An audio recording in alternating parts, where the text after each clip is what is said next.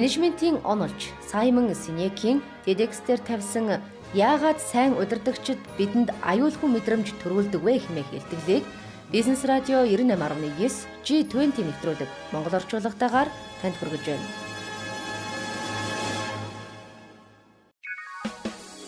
G20 нэвтрүүлгийг танд хүргэхэд IT Zone хамтлаа.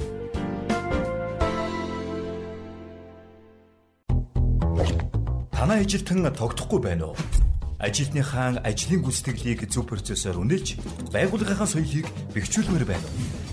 Та бизнесийн цөм болсон хүнтэй холбоотой асуудлуудаа мэрэгжлийн багтай хамтран шийдвэрлээрэй. Могул консалтинг, хүний нөөцийн консалтинг, аутсорсинг, систем нэвтрүүлэлтийн үйлчилгээг нэг дөрөс хүргэж, шинэ үеийн ажиллах орчныг хамтран бүтээхэд бэлэн байна. Зөвлөгтэй холбогдох утас 8811 47 80. Могул консалтинг таны хүмүүсийг хүчрхэгжүүлнэ.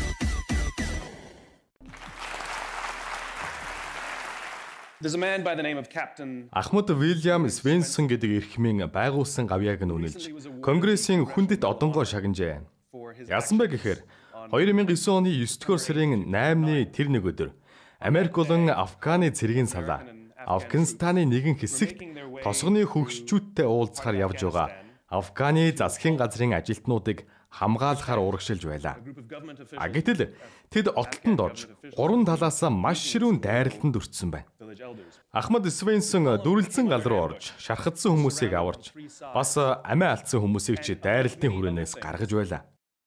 Тэр өдрийг мартагдашгүй болгосон зүйл нь нисдэг тэрэгний аврагчийн дуулган дээр GoPro камер бэхлээтэй болсон бүх зүйлийг бичиж авсан л байгаа юм.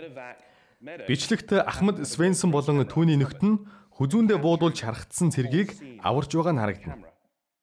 Цэргийг нэстэг тэрэгт хүргээд Ахмад тонгоон тэрнийг үнсээд эргэж харан дараагийн хүмүүсээ аврахаар явж байгаа. Би энийг хараад ийм хүмүүс хаанаас ирдэг юм болоо гэж бодсон. Юу болов? Ийм үйлдэлийн цаана маш гүнзгий сэтгэл хөдлөл байгаа нь илэрхий. Үйлдэлээс нь хайр мэдрэгдэж байна. Надтай хамт ажилладаг хүмүүс яагаад ийм байдаг юм болоо? Би энийг л мэдхийг хүссэн. Цэрэгт өөрийгөө бусдын төлөө золиосолсон хүмүүст өгдөг одон байдаг шүү дээ. А бизнест бол бусдыг золиосолж өөрөө хоцсон хүмүүст бид бонус өгдөг. Яг эсэргээрээ байгаа үз? Тэгэл би өөрөөсөө ийм сайхан хүмүүс яаж төлөвшдөг юм болоо гэж асуулаа. Миний анхны бодол бол тэд зүгээр л илүү сайн хүмүүс. Имдээч цэрэгт явдаг байх. Үгүй ээ, энэ бол буруу юм. Энэ нь орчин тойрноос болдгийг би ойлгосон. Надад эдгээр гайхалтай баатар гэж нэрлэмээр өөрийгөө болон амнасаа бусдыг аврахын төлөө золион тавьсан хүмүүстэй уулзах завшаан тохиож та нар яагаад ингэсэн юм бэ? Яагаад гэж асуусан. Тэд бүгд нэг л зүйлийг буюу Учир нь таа ч гэсэн ингэхэл байсан даа гэж хэлдэг. Эндээс маш гүн итгэл болон нөхөрлөл мэдрэгдэнэ. Итгэл нөхөрлөлийн хамгийн гол юм нь хин нэгний зааварчилгаа биш мэдрэмжүүд юм. Би надад итэг гэдэл та итгэчихгүй. Би хоёр хүнийг хамтар гэж хэлээд л тэд хамтрагч болохгүй. Энэ мэдрэмж болохоор тэгж болохгүй. Тэгвэл мэдрэмж хаанаас үүсдэг вэ?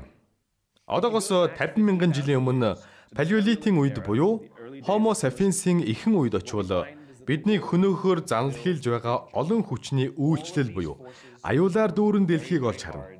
Цагаагаар хангалтгүй нөөц, сэлмийн шүдэд бар гэдэл бүхий л зүйлс бидний амьдрах хугацааг багасгадаг байсан юм.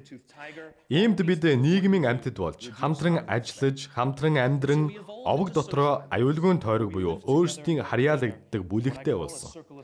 Ингээд өөрсдийн бүлэгт аюулгүй болмогц байгалийн хариу үйлдэл болох итгэлцэл нөхөрлөл үүссэн юм. Энэнд мэдээжийн давуу тал бий. Би шүн 50 унтаж манай овгийн хин нэгэн аюулын мананд гарахад итгэж болно. Хэрвээ би биедээ итгэхгүй, би чамд итгэхгүй бол чи мананд гарахгүй гэсэн үг. Амьд үлдэх муу тогтолцоо. Орчин үе яг адилхан. Дэлхий аюулаар дүүрэн бидний сэтгэлийг зовоож, амжилтаас хоош татаж, боломжоос багасгадаг зүйлс мундахгүй.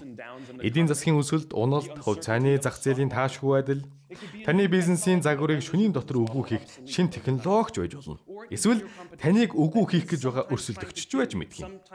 Таныг зах зээлээс шахан зайлуулах, үгүй ядчил таны өсөлтийг удаашруулж бизнесээс чинь хулгайлах гэж байж болно. Бидэнд энийг удирдах боломж байхгүй. Энэ хүчнүүд үргэлж байна. Алга болохгүй. Ганцхан өөрчилж болох зүйл нь байгуулгын дотоод бүтэц. Энд л удирдахын ач холбогдол орж ирдэг. Учир нь удирдагч л энийг зохицуулна шүү дээ. Удирдагч хүн багийн э, гişүүдийнхээ аюулгүй байдал, амь насыг тэргүүн тавьж, тухтай байдал, бодит үр дүнг золиослоод ч хамаагүй багийн гişүүдэд аюулгүй, багийн салшгүй хэсэг гэж итгүүлбэл тэд эргээд гайхалтай зүйлсийг бүтээдэг. G20 нэвтрүүлгийг танд хүргэхэд IT Zone хамтарлаа.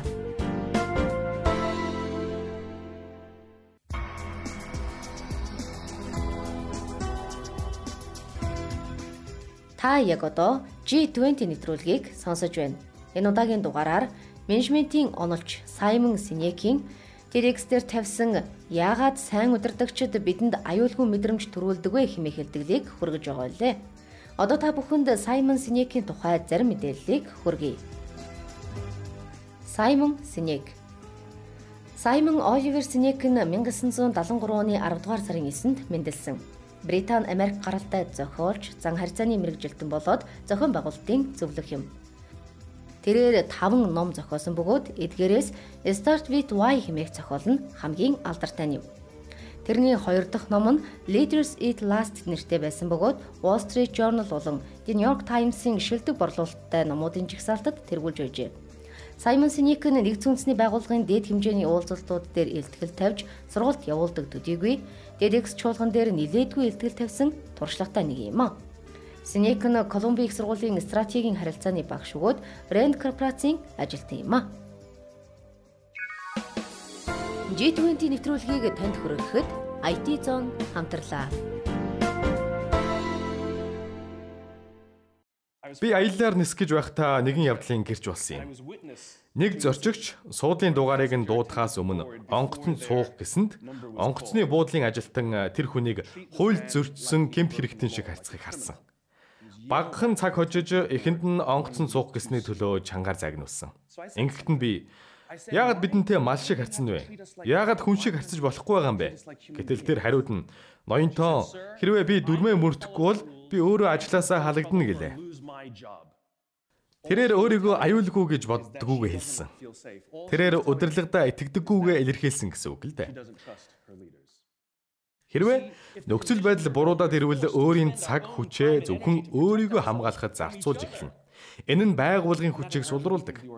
Харин бид аюулгүй байдлыг мэдрэх үедээ авьяас хүчээ нэгтгэж ядрахыг үл мэдэн ажиллаж гадны аюултай нүүр тулж боломжийг бүрэн ашигладаг.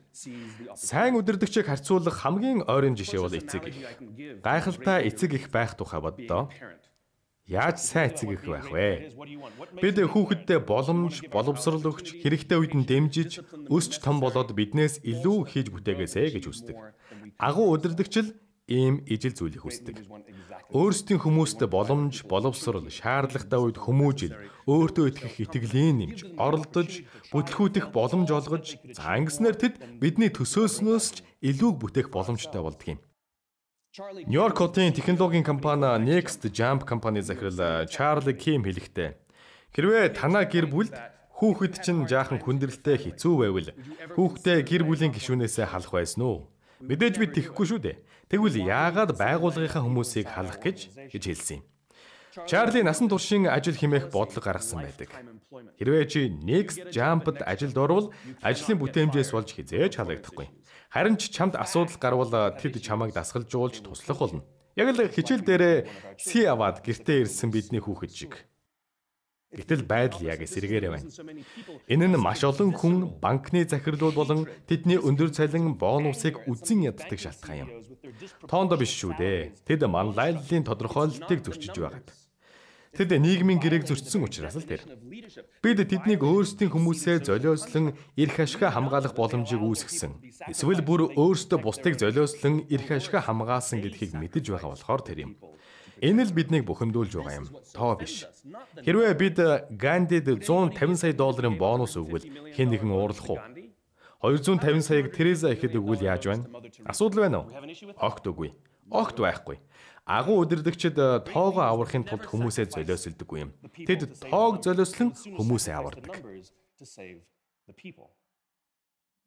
Бари Вемилиерийн захирал э, Боб Чапман Америкийн төвийн бүсийн хамгийн том үйлдвэрлэгч.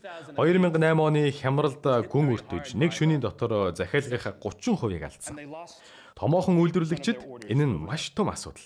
Тэд ажилтнуудынхаа цалинг ч өгч чадахгүй болсон. Тэд 10 сая хэмнэх хэрэгтэй болсон юм. Яг л өнөөдрийн олон компани адилаар удирдах зөвлөл хуралдаж ажилтдаа цомогдох талаар ярилцсан. Харин Боб эсэргүүцсэн. Боб ажилчдын тоо толгойг бус зүрхийн тоолоход итгэдэг. Зүрхний тоог багасгах илүү хэцүү. Ингээд тэд чөлөөний хөтөлбөр эхлүүлсэн. Бүх ажилтан нарийн бичгээс эхлээд захирал хүртэл 4-7 хоног цалингүй амралт авах хэрэгтэй болсон. Өөрсдийн хүссэн цагтаа амралт авна. Нэг дор бүгдийг авах албагүй гэсэн зарчимтай. А гэвч Боб энийг хэрхэн зарласан нь хамгийн чухал. Бид бүгдээрээ баг зэрэг зовх нь Зарим нэг маань хит их зовхоос хавгүй дээрэ гэж хэлэхэд ажилчдын ухамсар дээшилсэн. Эцэст нь тэд 20 саяг хэмнэж хамгийн чухал нь хүмүүст аюулгүй хамгаалагдсан мэдрэмж төрж хариуд нь итгэлцэл нөхөрлөл бий болсон. Хинэж төсөөлөөгүй нэг зүйл нь хүмүүс хоорондоо тохиролцож эхэлсэн. Цалингүйч гэсэн амьдрах боломжтой нэг нь бага боломжтой нэгэнтэйгээ амралтаа солилцсон. Нэг нь 5 7 хоног амарч нөгөө нь 3 7 хоног амарсан. Манлайлал бол сонголт. Зэрэгдэв биш. Бид дээд төвшний удирдлага мөртлөө манлайлагч биш хүмүүсийг мэднэ. Тэд эрх мэдэлтэй, тэд тушаасан болохоор л бид э, тэр ажлыг хийдэг. Харин тэднийг хизээж дагахгүй. Би байгууллагын доод төвшний эрх мэдэлгүй хідэж манлайлагч хүмүүсийг мэднэ. Тэд өөрсдийн зүүн талын хүнд санаа тавьдаг. Баруун талынхаа нэгэнд ч санаа тавьдаг. Энэ л жинхэнэ манлайлагч. Би театрт усан цэргүүдийн тухай нэг түүх үзсэн юм л да. Усан цэргийн офицер цэргүүдтэй хоол ундын хөрөлцөөтэй байхын тулд өөрийнхөө идэх хоолноос татгалзжээ. Тэгээд хөлгийн тавцан дээр гараад алхаж байтал цэргүүд нь тэрэнд хоол авчирч өгдөг. Ийм л зүйл болдог. Манлайлагч гэдэг бусдаас төрүүнд явдаг учраас л тэр. Манлайлагч бусдын өмнөөс эрсдэл үүрдэг учраас тэр. Манлайлагч гэдэг бол өөрсдийн хүмүүсээ аюулгүй байлгаж давуу тал олгохын тулд өөрөөсөө золиос гаргадаг учраас хүмүүс тэднийг дагдаг юм. Ингэснээр тэр хүмүүс эргээд бидний төлөө өөрсдийгөө золиослох болно. Тэд бидэнд хөлс, цус, нүлэм сай зориулж манлайлагчийнхаа алсын хараг бодит болгохыг байна. Тэднээс яагаад өөрийн хөлс, цус, нүлэмсийг тэр хүн зориулад байгаа юм бэ гэж асуухад Тэр миний төлөө бас ингэхэл байсан шүү дээ гэж хариулна. Бид бүгд ийм л байгууллагад ажиллахыг хүсдэг үү гэж юу? Маш их баярлалаа.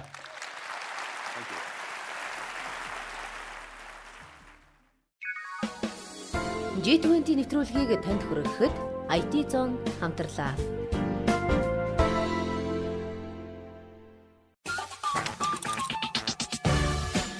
Та хуваараа бизнес эрхэлдэг үү? Хүнтэй холбоотой асуудлууд ара араасаа гараад хүний нөөцийн мэрэгчлэлтэн авна гэхээр зардал нь өндөр санагтаад өөрөө шийдчих гээд үзээд явна. Бизнесийн цөм болсон хүнтэй холбоотой асуудлаа мэрэгжлийн багтай хамтран шийдвэрлээрэй. Могул консалтинг хүний нөөцийн консалтинг, сонгон шалгаруулалт, систем нэвтрүүлэлтийн үйлчилгээг нэг дөрөс хүргэж шинэ үеийн ажиллах орчныг хамтран бүтээхэд бэлэн байна. Зөвлөгтэй холбогдох хутас 8811 47 80. Могул консалтинг таны хүмүүсийг хүчирхэгжүүлнэ. Менежментийн онолж Саймон Синекийн TEDx-дээр тавьсан яагаад сайн удирдагчид бидэнд аюулгүй мэдрэмж төрүүлдэг вэ хэмээх хэлтгэлийг Бизнес радио 98.9 G20 нэвтрүүлэг Монгол орчуулагтайгаар танд хүргэлээ. Нэвтрүүлгийг бэлтгэсэн уран заяа, найруулагч Мөнгөгүй, нэвтрүүлэгч Одордон Толгорсрон